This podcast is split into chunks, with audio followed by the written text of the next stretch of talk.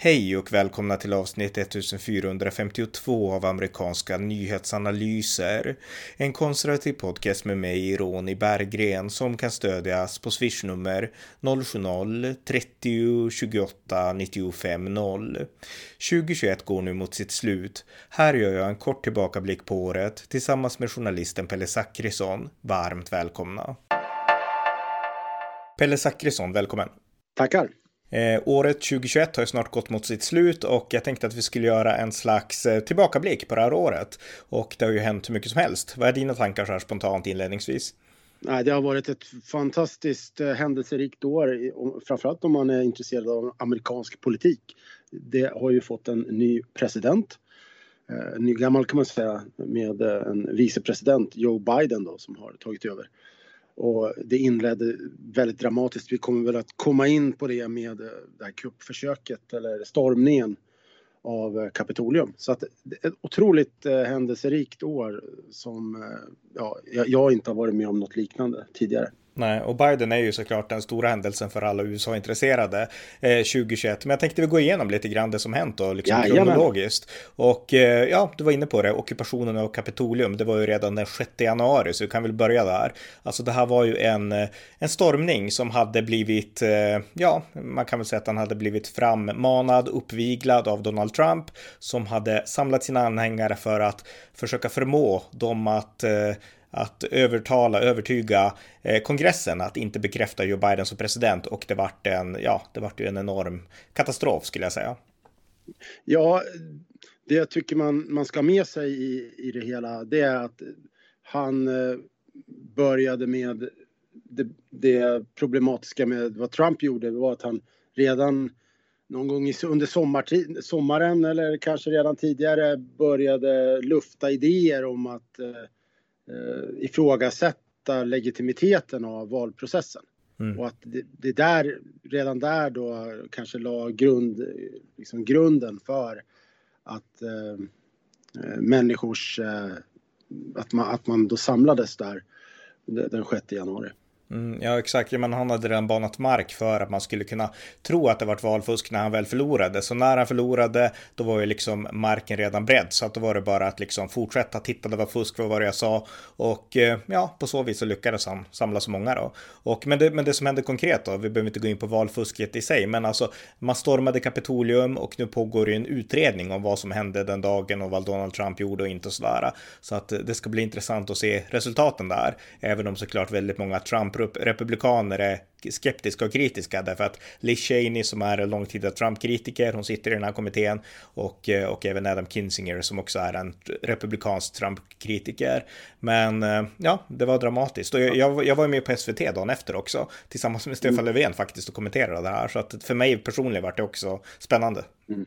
Ja, men om du tar den här utredningen som som ska göras nu, eller som görs. Mm. Hur, vad är din bedömning när det gäller möjligheterna för att det ska bli en, en saklig och, och korrekt eh, genomlysning av vad som hände och, och eh, ja, Eh, ja, men jag tror att den är saklig. Alltså det bästa hade varit att få till en fullskalig utredning i hela kongressen vill liksom utreda det hela som man gjorde vid 9-11 kommissionen. Då var det hela kongressen jämlik från båda partier och en väldigt trovärdig utredning. Men det röstade republikanerna nej till efter påtryckningar av Donald Trump. Så att den här liksom mer interna eh, grejen, utredningen i representanthuset, det är det bästa man kom, kan komma fram till. Men jag tror att man kommer få fram mycket och jag tror att väldigt mycket man kommer gräva om kommer att vara sant. Så att jag ser fram emot liksom att, att få läsa det här. Sen en sista sak på det här är att nästa år om, eller, ja, nästa år om Republikanerna vinner mellanårsvalet, då kommer de förmodligen att stänga ner den här utredningen så att det gäller att de blir klara till nästa år. Ja, men ursäkta en, en okunnig bedömare så här, men, men vad, är, vad är hindret att eh, Högsta domstolen i, i, istället, om man nu pratar om den här med det här separation of powers i USA, vad, vad är problemet med att eh, Högsta domstolen skulle ha tillsatt den här utredningen och gjort utredningen?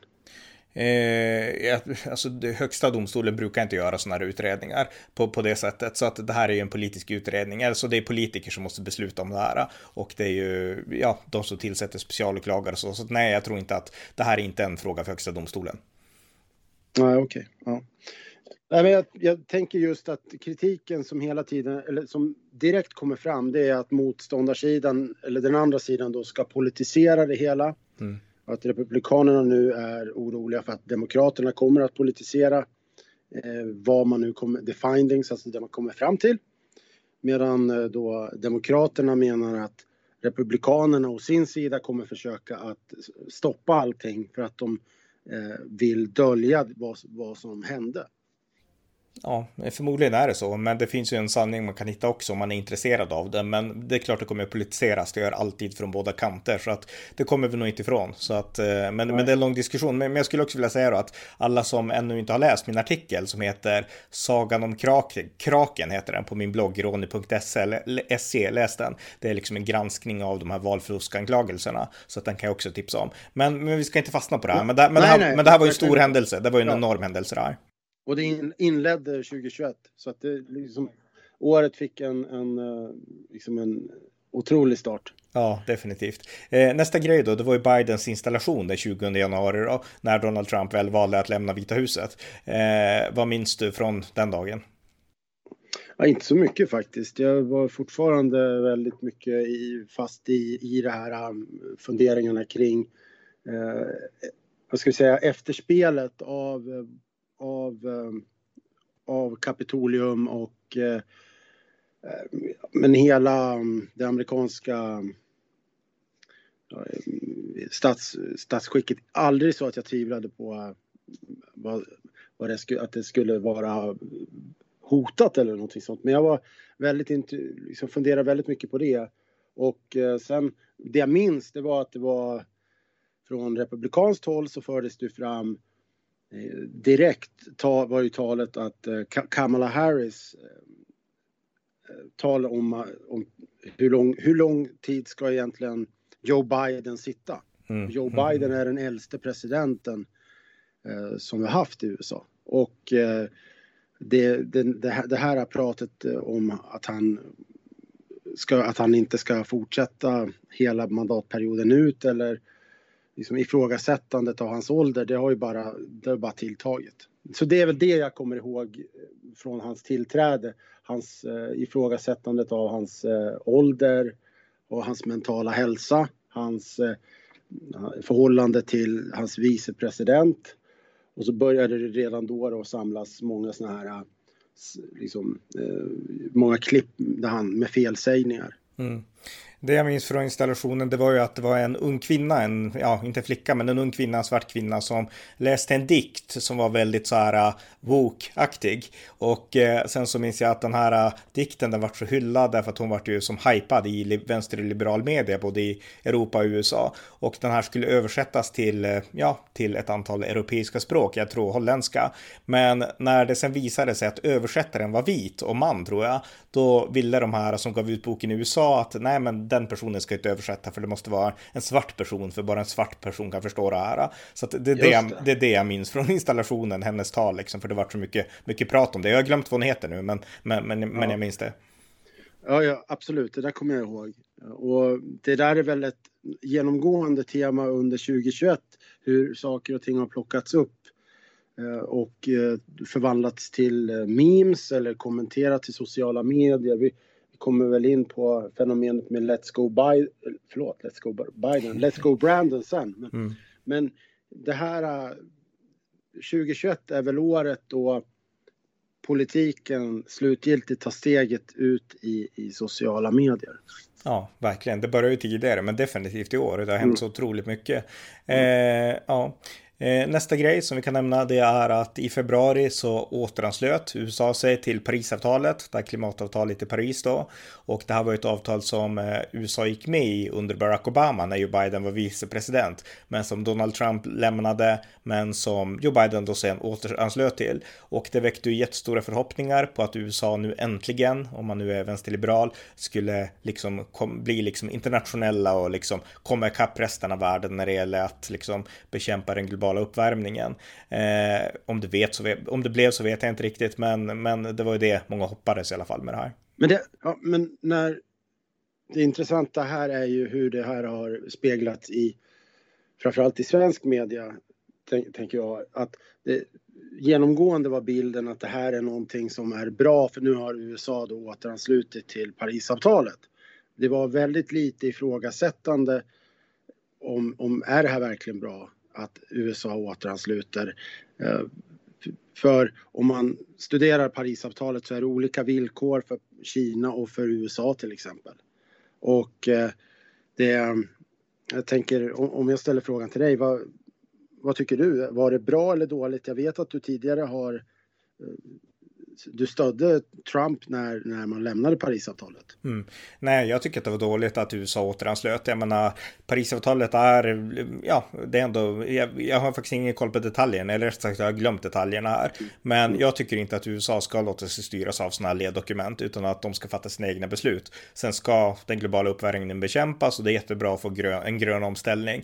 Men det måste också synkas med andra saker som liksom synen på militären, synen på industrialiseringen och synen inne på, alltså alla faktorer måste spela in. Och i USA så röstade man ju igenom Alexander Ocasio-Cortez eh, eh, Green New Deal och den lade ju väldigt mycket fokus på att nu ska allt handla om den här stora omställningen och det ska bli mer socialism och eh, de här grundstrukturerna som jag tror gör USA unikt och som behövs för att hålla världen stabil.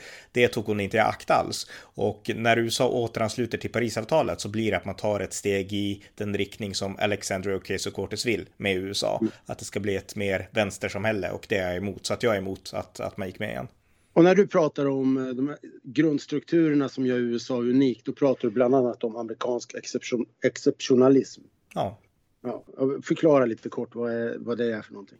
Ja, men den här faktorn alltså att USA är en stark kraft i världen och den globala hegemonin som dominerar egentligen eh, militären i världen såklart, men även ekonomin och hur man tänker på politik och saker i världen. USA är den dominerande kraften och det är tack vare USAs dominans, Pax Americana, som Kina ändå håller sig i schack och inte invaderar Taiwan. Det är därför som Ryssland, inte lättvindigt i alla fall, går in i Ukraina och det är därför som världen är relativt stabil. Eh, det är på grund av att USA är en supermakt. Och om USA börjar bli som Europa, mer introvert och börjar fokusera mer på att höja socialbidragen och på att liksom göra den här gröna omställningen, då kommer man inte att ha resurser och kraft att liksom upprätthålla Pax Americana. Och sådana här saker tänker ju inte sådana som Alexander Ocasio-Cortez eller vänsterliberaler eller socialister i Europa på. Så att det är den aspekten som jag alltid har. Det, det är det primära för mig när jag liksom tänker på amerikansk liksom, eh, politik i världen. De kommer att tänka på det, men det är först när, när de ryska stridsvagnarna står inne i Kiev. Ja, exakt. Och då är det för sent. Ja. Uh, Okej. Okay. Eh, Ska vi, ska vi fortsätta? Ja, ja vi, kan gå, vi kan gå vidare, exakt precis. Eh, nästa grej då som, som jag har på listan här då, det är att i april så vart ju eh, Derek Chauvin, den här polismannen i Minneapolis, eh, han, vart, han dömdes för mord på den här svarte mannen då, George Floyd, som, som dog, mördades nu då i maj 2020 och eh, som blev starten för hela den här Black Lives Matter-framgången. Eh, inte starten på rörelsen, men på de här stora framgångarna som svepte över hela USA eh, och även starten på Antifas våld i olika städer och så. Och Derek Chauvin då, polisen, han dömdes då i april i år för mord på George Floyd. Ja, ja det är väl inte så jag vet inte om det är så mycket att lägga till där annat än att eh, ja, han... Eh, jag tror att han, jag tror att han är dömd till... Jag tror att han är dömd till eh, andra, andra gradens eh, mord och att det motsvarar väl någonstans mittemellan dråp och mord i Sverige ungefär. Ja. Det, det, precis, exakt. Och eh, det jag kan tillägga det är att det var ju, eh, alltså om man nu tycker att det här var ett utslag för rättvisan, vilket det förmodligen var, så, så, så var det ändå så att det var ju väldigt många inne Black Lives Matter som var redo att gå ut och protestera om man skulle ha blivit frikänd. Så att det fanns ju krafter där i skuggorna som kanske inte skulle ha godkänt juryns utslag. Det, det kan vara värt att noteras också. Ja, han dömdes, jag ser här, jag kollade upp det lite snabbt, han dömdes till 22,5 års fängelse. Mm, just det. Ja. Så. Och jag har läst också förresten, det läste jag bara nyligen, att han, han vill avtjäna det här straffet i federalt fängelse. Och det innebär att han kommer få sitta några år längre. Han kan ju bli frigiven tidigare än 22 år, men han får sitta längre än om han skulle bli satt i ett privat fängelse. Eh, orsaken till att han vill det, det vet jag faktiskt inte, men, men jag tror att det finns andra villkor som är bättre i federala fängelser och sådär. Så att, eh, ja, det var ett krav han hade. Vi får se vad som, hur, hur det liksom uppfylls. Eh, ja, vi kan hoppa vidare till nästa grej. Och där i maj månad, då var det ett stort krig i Gaza mellan Israel och Hamas. Och hela världen fokuserade ju på det här i, i de elva dagar som det pågick. Jag hängde med jättenoga så jag minns massvis härifrån, men minns du något? Mm. Ja, jag var bland annat så satt jag med på en, en pressträff med eh, Jonathan eh, Konrikus som var presstalesperson för IDF. Mm. Och eh, han är ju svensk, eh, eller svenskbördig. Jaha. Och, ja, men var presstalesperson då för Eh, israeliska försvarsmakten. Och eh, han, eh, han är från, från Skåne men är, bor väl numera då i Israel. Och tjänade som presstalesperson fram tills i, tror det var i juni eller juli så att ja, jag har väl ganska starka minnesbilder av den här, av hela konflikten eller den här, ja, den här, ehm, ja, konflikten som var under, under maj. Och ehm, att eh, det var, det inleddes ju med eh, en, eh, att det var, ska vi säga bråk inne i, inne i Jerusalem de där detaljerna har, ligger lite långt tillbaka i tiden för mig. Men sen eh, eskalerade det till att eh, det började skjutas raketer från, från Gaza in över, in över Israel. Och eh, det var hundratals eh, raketer då som fångades upp. De flesta fångades upp av Iron Dome som det här skydds, eh, skyddssystemet heter som eh, Israel har. Mm. Och det man minns då, det var ju exakt de här bilderna från liksom när man kunde se raketer skjutas och Iron Domes eh, raketer skjuta tillbaka och liksom skjuta ner de här eh, raketerna från Gaza. Så att eh, det är de här eh, liksom tydliga minnesbilderna på, på näthinnan då. Mm.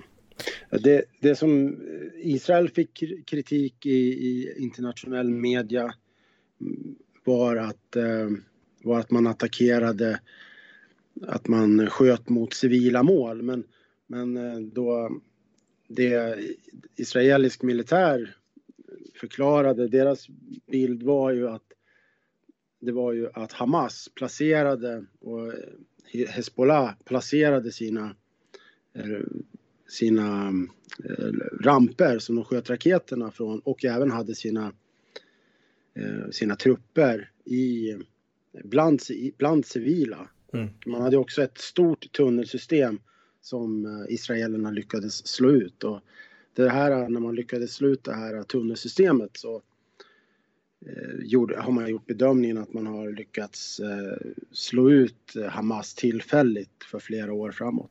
Mm. Ja, eh, om vi går vidare mm. till nästa grej då som är, det har med Sverige att göra. I juni så eh, röstades det för ett misstroende mot statsminister Stefan Löfven och det här var unikt och historiskt och du kan detaljerna.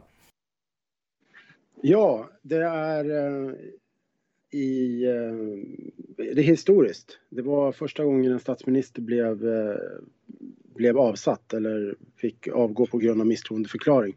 Bakgrunden är att eh, i januariavtalet där Centerpartiet, Liberalerna och eh, Miljöpartiet och Socialdemokraterna hade gjort upp så fanns det en punkt om att ny, nyproduktion av hyresrätter skulle ha en fri fri hyressättning. Man fick, skulle få sätta marknadshyror. Det här äh, vägrade regeringspartiernas, äh, alltså Socialdemokraternas och Miljöpartiets andra stödparti, Vänsterpartiet, att gå med på och hotade med att, att äh, fälla regeringen på. Och, äh, men man fortsatte med att gå vidare med det här. Man trodde väl inte att Vänsterpartiet menade allvar, men det gjorde man. Och då lämnade eh, Sverigedemokraterna in en misstroendeförklaring och det hela hamnade till slut i riksdagen och där, eh, där röstades Stefan Löfven bort. Just det. Mm. Ja, historiskt som sagt. Ja. Eh. Sen blev det en om... Ja, så sen, sen blev, blev han ju... tillbakavald igen då. Just det. Mm. Eh, ja. Eh, nästa grej som hände under den sommaren då i juli, det var ju att det var dels OS, sommar-OS i Tokyo. Eh, och eh, jag hängde inte med alls i det faktiskt. Eh, har du någon koll på medaljer till Sverige och sånt där? Nej, det är inte jättemycket. Jag har mer, mer koll på en del såna höjdpunkter om norsken eh, Karsten Warholm som slog eh, ett eh, fantastiskt världsrekord på 400 meter häck. Eh, och eh, det var, alltså Norge hade ju stora framgångar eh, i eh, OS. Det var, eh, det var inte bara Karsten Warholm utan eh, det var även en Jakob Ingebrigtsen som vann på 1500 meter. 20-åring. Som, eh, så att eh, Norges, Norges framgångar var fantastiska. Och sen får man inte glömma Daniel Ståhl som tog en du, dubbel tillsammans med Simon, eh, han efternamn nu då. Ja, men vi hade dubbel, dubbel eh, guld och silver i diskus. Mm. Och på, ta på tal om OS, vi kan göra en liten avstickare. Nästa år så ska OS hållas i Kina då, vinter-OS. Och mm. det pratar om att, eh, ja, det pratar om bojkotter och att vissa sportgrenar inte kommer att sända delegationer. Jag tror tennis kommer att utebli och sådär. Så att, eh, ja, vi får se hur det går med, med det mm. OSet. Mm. Min egen, bara en sista om OS, min egen favorit var Randy Krauser kulstötare från USA som vann eh, ohotad med en riktig klassisk hockeyfrilla. Just det. det var, ja, det är ja. precis härligt. Ja, men... Eh, ja. eh, nästa grej, vi kan nämna det också, det är ju också i somras då i juli, den 22 juli närmare bestämt, då var det tio år sedan Utöja, eh, Anders Berings Breiviks fruktansvärda skjutning och den var det också uppmärksammad en hel del även i Sverige såklart, så att eh, en stor tragedi för Norge, men tio år sedan också i somras. Mm, mm. Ja, eh, augusti då, det som hände då, den stora grejen då som dominerade alla nyhetsflöden i, åtminstone i västvärlden hela månaden nästan, det var USAs tillbakadragande i Afghanistan efter 20 år i Afghanistan. Och eh, ja, du kan börja, jag har jättemycket att säga, men du, du kan börja. ja, nej men det är ju ett, eh, det går väl till, man kan väl säga så här lite kort, är att eh, man får inte glömma att Donald Trump började med att prata om att dra tillbaka, dra tillbaka USA från, eh, från Afghanistan. Jag mm. tycker det är faktiskt, det är faktiskt någonting som man behöver eh, ha med sig. Om man nu är kritisk mot Joe Biden så behöver man faktiskt komma ihåg att även Donald Trump pratade om det här. Eh, under våren, så redan under våren, under till, när det här annonserades att det skulle dras tillbaka i september så var eh, den legendariska generalen David Petraeus öppet kritisk och sa ungefär det som sedan precis hände att om man lämnar då kommer då kommer det öppna upp för islamistisk extremism och terrorism och USAs ställning i regionen är hotad. Det här avfärdades då av eh, USAs eh, utrikesminister Antony Blinken. Och det, det här, ja, alltså man, kan inte, man kan inte säga någonting annat än att, att David Petraeus fick väldigt rätt i, i allting han sa redan under våren. Så, ja. Ja, det var egentligen det. Ja men verkligen, jag håller helt med och det här är ju, det var en katastrof. Jag menar USA har, för, precis som han sa, alltså USA har förlorat så mycket på det här och eh, 20 års slit, jag menar jag har hängt med och stött kriget mot terrorismen under alla de här 20 åren. Jag menar 20 års slit för Afghanistan kastades i sjön på grund av en total tanklöshet skulle jag säga. Så att eh, det här var en tragedi, det går inte att säga något annat och tillbakadragandet skedde ju i praktiken tidigare. Eh, det skedde i augusti, det, det mesta, men med oktober, eh, eller augusti menar jag, men, men i september då, när 11 september som var slutdatumet som Biden hade satt som slutdatum. Det var nästan, det var nästan ett hån i mina, mina öron eh, mot liksom alla offer vid 9-11 attacken 2001. Ja, tanken var väl från början att det skulle vara ett, liksom ett triumfatoriskt återtåg. Mm. Men i och med att det ble, slutade som det gjorde så blev det ju snarare då svansen mellan benen och nu, nu har ju um, Sean Hannity gjort det till, en, till ett stående inslag i sitt program på Fox News att, att påminna Joe Biden om, om de, de amerikaner och de eh, allierade som är kvar i Afghanistan. Så att det, det är ju någonting han påminner om då varje vecka i stort sett. Just det. Och en sak till också som, som har med det här att göra. Jag menar att jag vet att det finns många som lyssnar som eh, är kritiska till George W. Bush. Jag är absolut inte det. Men, men, men jag tycker att eh, en intressant sak det var ändå att Bush inställning det var att vi måste åka till Afghanistan och vi måste stanna kvar där därför att om vi inte styr upp det hela då kommer de problem som finns där att komma hem till oss. Och det är bättre att vi hanterar de här problemen på bortaplan än på hemmaplan. Eh, nu efter tillbakadragandet så har talibanerna tagit över hela landet. Det finns en möjlighet att al-Qaida gör comeback och liksom börjar smida planen på internationell terrorism. Vi har ISIS-K, nu slår de mest till in, liksom inom landet, men de kan möjligtvis rikta udden utåt. Och därtill så har USA tagit emot sen uttåget 73 000 afghaner till USA. Och väldigt många av dem är såklart snälla och sådär. Men det är inget snack om att många av de här har inte blivit vettade, granskade så som man kanske borde göra. Och eh, precis som Sverige har sett väldigt många problem med afghansk invandring så finns risken, anser jag, att USA också kommer få en hel del av de problemen på grund av att, eh, ja, nu har man valt att lösa problemen på hemmaplan istället för bortaplan. Så att det är också någonting som jag tycker är, ja, ännu en katastrof till följd av det här. Mm. Ja. Ja. Eh, nästa grej då som vi kan ta. Det, I september så var det också så här att Texas röstade igenom The Heartbeat Act som handlar om att man ska förbjuda aborter efter sjätte veckan. Och eh, liknande grejer har gått igenom med Mississippi och eh, högsta domstolen har godkänt lagar i Mississippi tror jag. Och eh, det har börjat banas väg för att upphäva Roe vs Wade, den här federala högsta domstolsbeslutet från 1973 som garanterar kvinnor rätt att göra abort i USA. Och det här är ju en jättestor, ja, det här är ju en jättestor fråga såklart som förmodligen kommer att kanske bli aktuell redan nästa år. Ja, det, vad, vad det handlar om i grunden, och du kan ju det här bättre än mig Ronny, men om jag har förstått det rätt så det som, risk, det som är på väg att hända det är ju då att Högsta domstolen kommer att säga att det här är en fråga som inte, som inte ska avgöras på federal nivå, det vill säga på en övergripande nivå som bestäms för alla delstater utan det här ska vara var och en av alla, alla delstater ska själva avgöra den här frågan, alltså nere på delstatsnivå. Mm.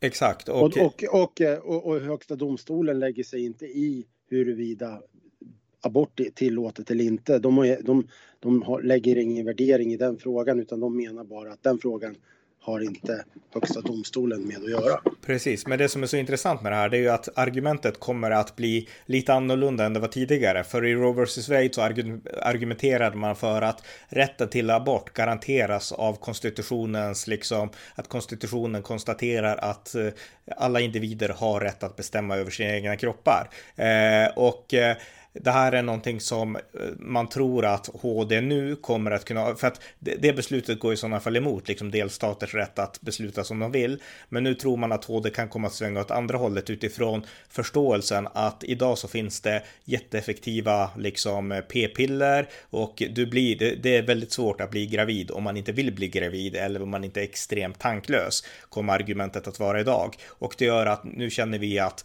liksom den personliga integriteten den är fortfarande fortfarande bevara. Det finns massa sätt att inte bli gravid. Eh, så att nu kan vi liksom svänga och tänka mer på delstaterna och på det konstitutionstillägget. Så det är så man tror att det här kommer att balanseras. Mm -hmm. Okej. Okay. Ja. Eh, ja, eh, vi kan hoppa vidare. Nästa grej då som jag skrev upp som punkt här, det är ju gränskrisen vid Polen. Och det var ju bara några veckor sedan nu. Och det handlade ju alltså om att eh, Vitryssland och eh, kanske Ryssland drev ett hybridkrig mot EU genom att försöka pressa in immigranter som man hade flugit från Mellanöstern in i Polen och in i EU.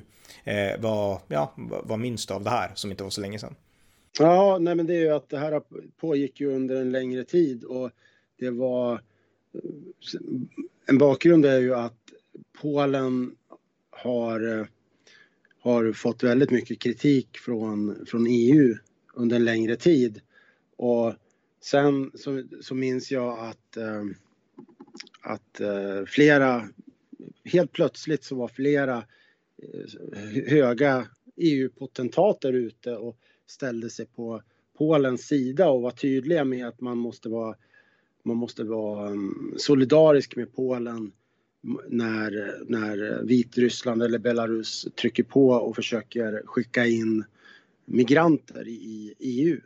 Så att det blev liksom en, en stor eh, kontrast mot eh, den tidigare retoriken där, där eh, Polen ha, hade varit ute i, vad heter det, hund, hund, hund, hundstuga, Nej, men där man hade varit ute liksom Eh, varit eh, en, en ful ankunge. Då blev man intagen i liksom gemenskapen igen och, eh, och det, det har ju varit nattliga, liksom varje dag så kommer det rapporter om försök att ta sig av migranter, att, och det är ju fortfarande migranter som försöker ta sig in i Polen nattetid. Och eh, nu har olika förband, ingenjörsförband från bland annat England och, eh, eller Storbritannien och eh, Tjeckien åkt dit och, och hjälpt till för att bygga, förstärka de här eh, stängslen som Polen har satt upp. Just det. Men, men det här vart ju verkligen en väckarklocka därför att jag menar EU har ju under väldigt lång tid, jag menar backar man bara sex år, 2015, då var ju i princip hela EU för att vi skulle hålla gränsen öppen mot Afghanistan och Mellanöstern och allt vad det var, Syrien och så vidare. Eh, det har svängt såklart, sakta men säkert, men det här som hände i Polen, det vart ju verkligen, alltså alla stödde Polen egentligen, även de här mest vänsterliberala kändes det som. Ja, men det är en sak som har hänt här. I hela exemplet, eller fallet Polen kommer att, tror jag, sätter punkten på en sak och det är just det här med asylrätten. Tidigare då har det funnits kritik mot Gre bland annat Grekland för att man eh, nyttjade sig av så kallade pushbacks, det vill säga att när det kommer in migranter i ett land som inte har rätt att vara där, då, skjuter, då bara forslar man tillbaka dem över gränsen utan att överhuvudtaget pröva deras, inte licens, deras asylrätt. Mm. Utan man har alltid sagt att kommer in en människa i ett land, då har de självklart rätt att söka asyl. Här så, i Polen så sa man, nej vi bara kör tillbaka dem. Man använder sig av regelmässiga pushbacks. Och det här är någonting, man satt i system. Och det här är någonting som inte Eh, inget som jag inte ser någon som helst opinion mot. Jag har sett en, det är någon enstaka eh, skribent på eh, Eskilstuna-Kuriren, Alex Voronov, som har protesterat och tycker att men de måste få sin asylrätt prövad. Men från EU-etablissemanget så finns det ett ganska stort stöd som jag uppfattar det för att Polen gör den här saken som rent alltså som för ett halvår sedan var kraftigt kritiserat. Jag har inte sett att Ylva Johansson som är migrationskommissionär för EU, att hon kritiserar det här. Och, så att här är det någonting som har hänt. Och jag tror att om, om ett år eller två år så kommer vi titta tillbaka på det som hände i Polen under hösten 2021 och så kommer vi, det kommer vara en, ett eh, paradigm, kanske ett paradigmskifte hur, hur migrationspolitiken bedrivs inom EU. Mm. Men det, det skulle jag säga om utifrån det du har berättat nu, alltså det visar ju också att de här reglerna som EU har, alltså det är väldigt mycket känslor som, som bestämmer, därför att jag menar reglerna är de samma nu som de var för, inte vet jag, för fem år sedan. Det är bara det att nu har liksom stämningen och tankarna kring vad som är bra och dåligt förändrats och då kan man bända reglerna och det säger ju ganska mycket om liksom den respekt eller bristande respekt som finns för reglerna ändå. Jag menar, det var förut så använde man argumentet att Polen och Ungern är fel för de bänder reglerna, men nu så är det helt okej okay att bända reglerna reglerna för man har själva dragit samma slutsats. Så att eh, det är lite hycklande tycker jag. Jajamän, det, det är ju en det, är, det finns regler och så finns det regler och så finns det Guds förordningar. ja, exakt. Ja. ja. Eh, nästa grej som jag tänkte berätta lite kort det är att Britney Spears hon har fått sitt eh, conservatorship, alltså förmyndarskap, avslutat så att nu är hon i alla fall än så länge en fri person att själv styra sina egna medel och det har varit en jättestor rörelse som heter Free Britney Movement i USA och den har eh, Ja, den hade, har egentligen rapporterats om under hela året och eh, den processen avslutades då nu i år och hon tackade så mycket den här rörelsen som, som har funnits online och sådär men som har stött henne i den här kampen då eh, och om det här liksom att bli fri från det här förmyndarskapet. Ja, där, den, här fråga, den här frågan om Free Britney-rörelsen, den kan du bättre än mig. Ja, ja precis. Den lite på avstånd, men jag, jag, tycker det är ett fascinerande människoöde såklart. Och, ja. Men det, har det, har det liksom kommit i mål nu? Är det, är det helt färdigt eller? Hur? Ja, jag har inte tänkt med på sistone, men ja, alltså nu hon ska vara helt eh, fri själv att kunna besluta liksom om sina pengar. Sen så, då återstår ju att se, alltså om hon kan göra det ansvarsfullt eller inte, det vet jag inte. Men, men hon Kommer det en världsturné 2022? Nej, jag tror hon har gått i pension. Så att jag tror att hon, hon har lagt musiken på hyllan och känner att nu, nu vill jag leva ett vanligt liv. Så att, eh... När vi gör årskrönikan 2022, då får vi se om, om hon har varit ute och gjort någon, eh, kanske en, en sån här eh, Elvis Presley-grej med Vegas-spelningar. Ja, exakt, vem vet.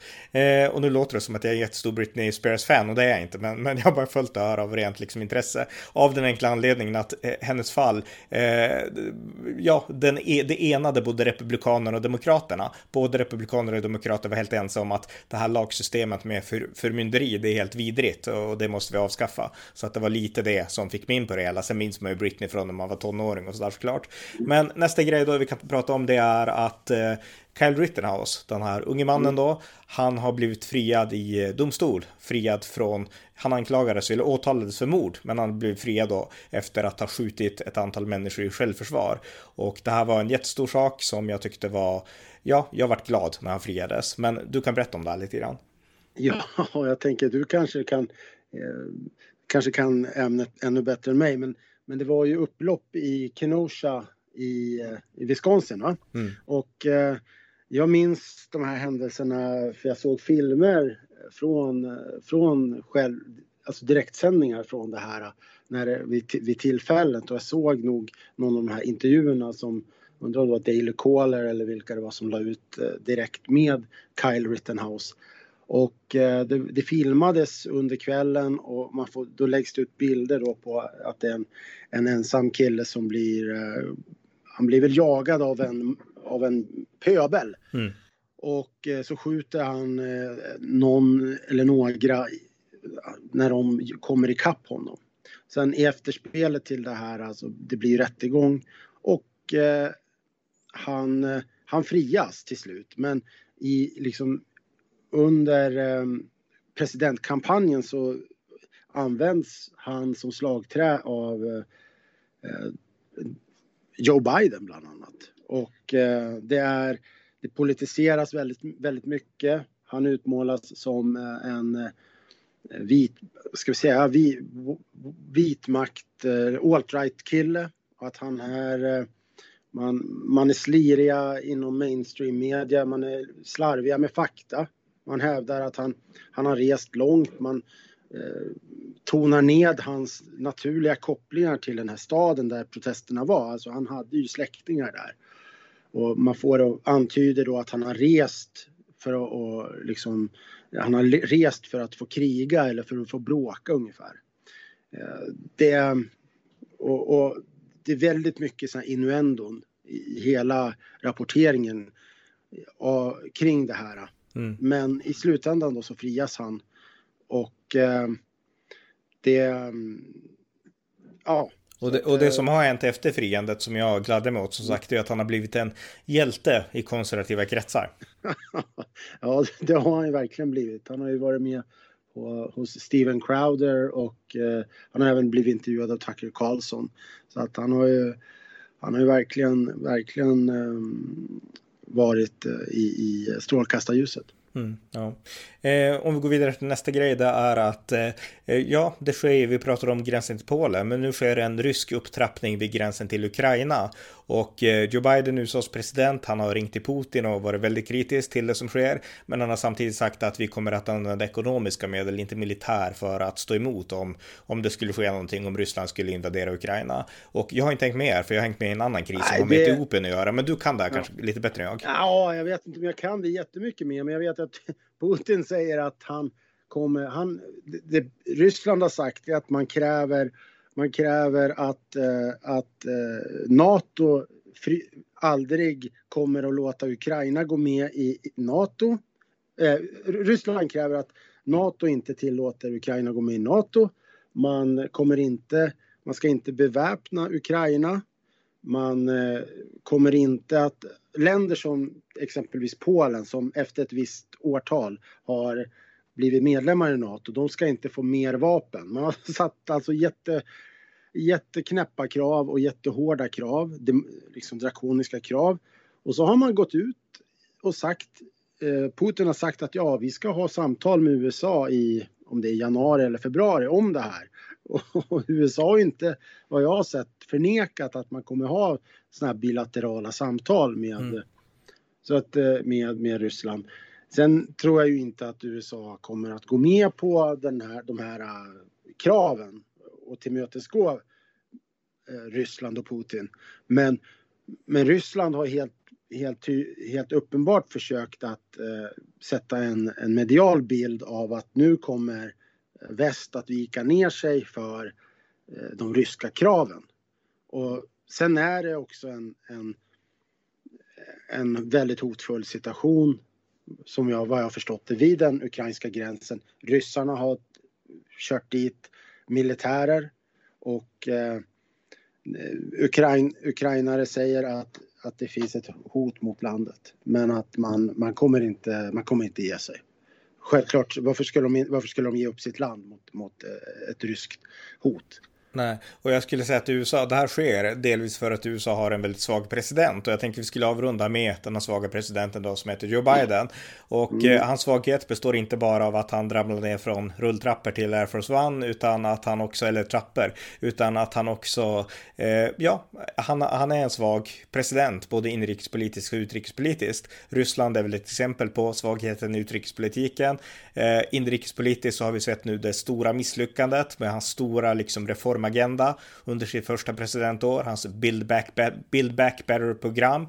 Det, det, har misslyckats efter att en demokratisk senator, John Manchin från West Virginia, eh, har beslutat att rösta nej. Så att eh, hela Bidens stora reformpaket under sitt första år faller samman. Så att jag menar, vi har att göra med en väldigt svag president.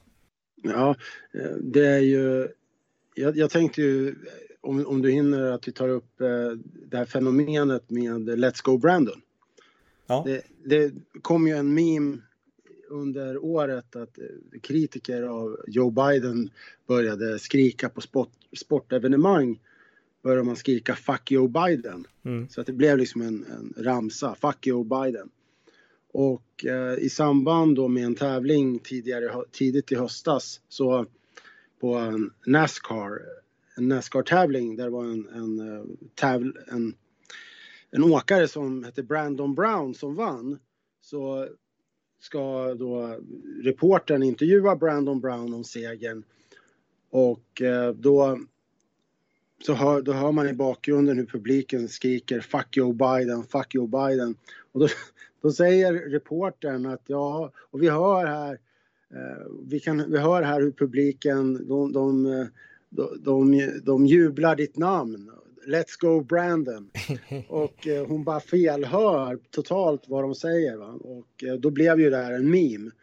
Och eh, en, bland annat så har en artist, eh, Losa Alexander, gjort en rap och eh, toppade iTunes spellista med, med den här låten då, Let's Go Brandon. Så Let's har... Go Brandon är en akronym för Fuck You Biden? Exakt, och eh, du har ju höga politiker som Ted Cruz som har sagt det här eh, i olika sammanhang. Eh, Ron DeSantis, guvernör i Florida, han höll en pressträff på en, en ort i Florida som heter Brandon. Han eh, kallar Joe Bidens administration, administ regering för the Brandon administration. Um, han, uh, ja, men det är otro, otroligt många sådana exempel på hur republikanska Eh, politiker använder här, eh, den här akronymen för Fuck Joe Biden i anföranden i, i kongressen och så vidare. Det senaste exemplet det var när det var en, en person som busringde in till... Varje år i USA så har eh, Vita huset en... Man, liksom, att barn kan ringa in och prata om tomten ungefär med presidenten. Då ringde det in en förälder som ja, sa att han hette Jason och så pratade han lite smått trevligt med eh, Joe Biden och eh, frun Jill, eh, Jill Biden. Och så avslutade han samtalet med att säga Merry Christmas and let's go Brandon. Och då, då, då instämmer Joe, Bi Joe Biden i att säga Let's go Brandon for sure. och um, det där, ja, det har återigen då blivit en meme. Att, ja, ehm, för jag menar, det visar ju att han hade inte ens någon koll på att liksom vad det betydde och att det här har varit en meme som har funnits nej, i ett halvår man, ungefär. Ja. Nej, man, man, kan se att hans fru Jill Biden är är något störd. Hon har otroligt stelt leende. Hon blir något störd när den här personen säger den här Så hon, Jill Biden fattar alltså? Hon sitter hon där bredvid, fattar. men Joe Biden fattar inte? Ja, antingen fattar han inte eller så har han otrolig, otrolig förmåga att hålla masken. Just det. det ja.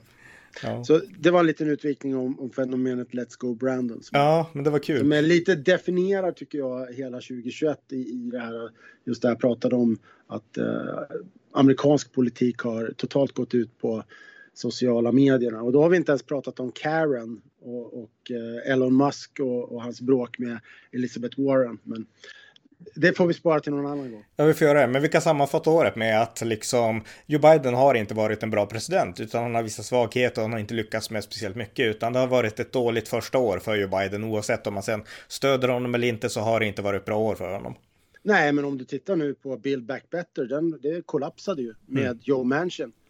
Och när man skulle piska in, eh, det är ju det här, eh, vad, vad, hur skulle du beskriva Build Back Better? Vad, vad är det för någonting? Nej, men det, det, var det stora reformpaketet för att få ordning på ekonomin och även på miljön. Det var en hel massa saker inbakade och få liksom, ja, alltså få igång, kicka igång USA igen och allt som inte fungerar enligt, enligt ja. Biden. Och eh, Joe Manchin är en traditionell demokrat, eh, blue collar. Men han, när, när, han vägrade att gå med på det här, då istället för att försöka truga och övertala honom, då, då började bland annat The Squad, den radikala vänstergruppen inom Demokraterna med AOC bland mm. annat och Ilan Omar, då började de att offentligt häckla honom och säga att han var en, en, en vit, vit gammal man. Eh, bland annat. Och liksom att kalla mig galen men, men att det ska få honom att eh, börja eh, att, att ändra sig. Jag tror att det, det är ganska svårt. Så att det, där kollapsade ju Bill Back Better. Det är också på flera andra områden så har det varit tufft ett tungt år för Joe Biden och det avspeglar sig i opinionsmätningarna och framförallt i när det gäller förtroendet för ekonomin, eh, hans, hans ekonomiska politik. Där visar en mätning från eh, CNN och att han har det är de lägsta ekonomiska, eh, alltså ekonomiska betyget ända sedan Jimmy Carter. Mm. Ja, ett dåligt år för Joe Biden kan vi väl avsluta med att sammanfatta. Så att eh, med det sagt så tack så mycket Pelle. Tack. Det var avsnitt 1452 av amerikanska nyhetsanalyser. En konservativ podcast om amerikansk och internationell politik som kan stödjas på swishnummer 070-30 28 95 0 eller via hemsidan på Paypal, Patreon eller bankkonto. Det var allt för idag. Tack för att ni har lyssnat. Thank you.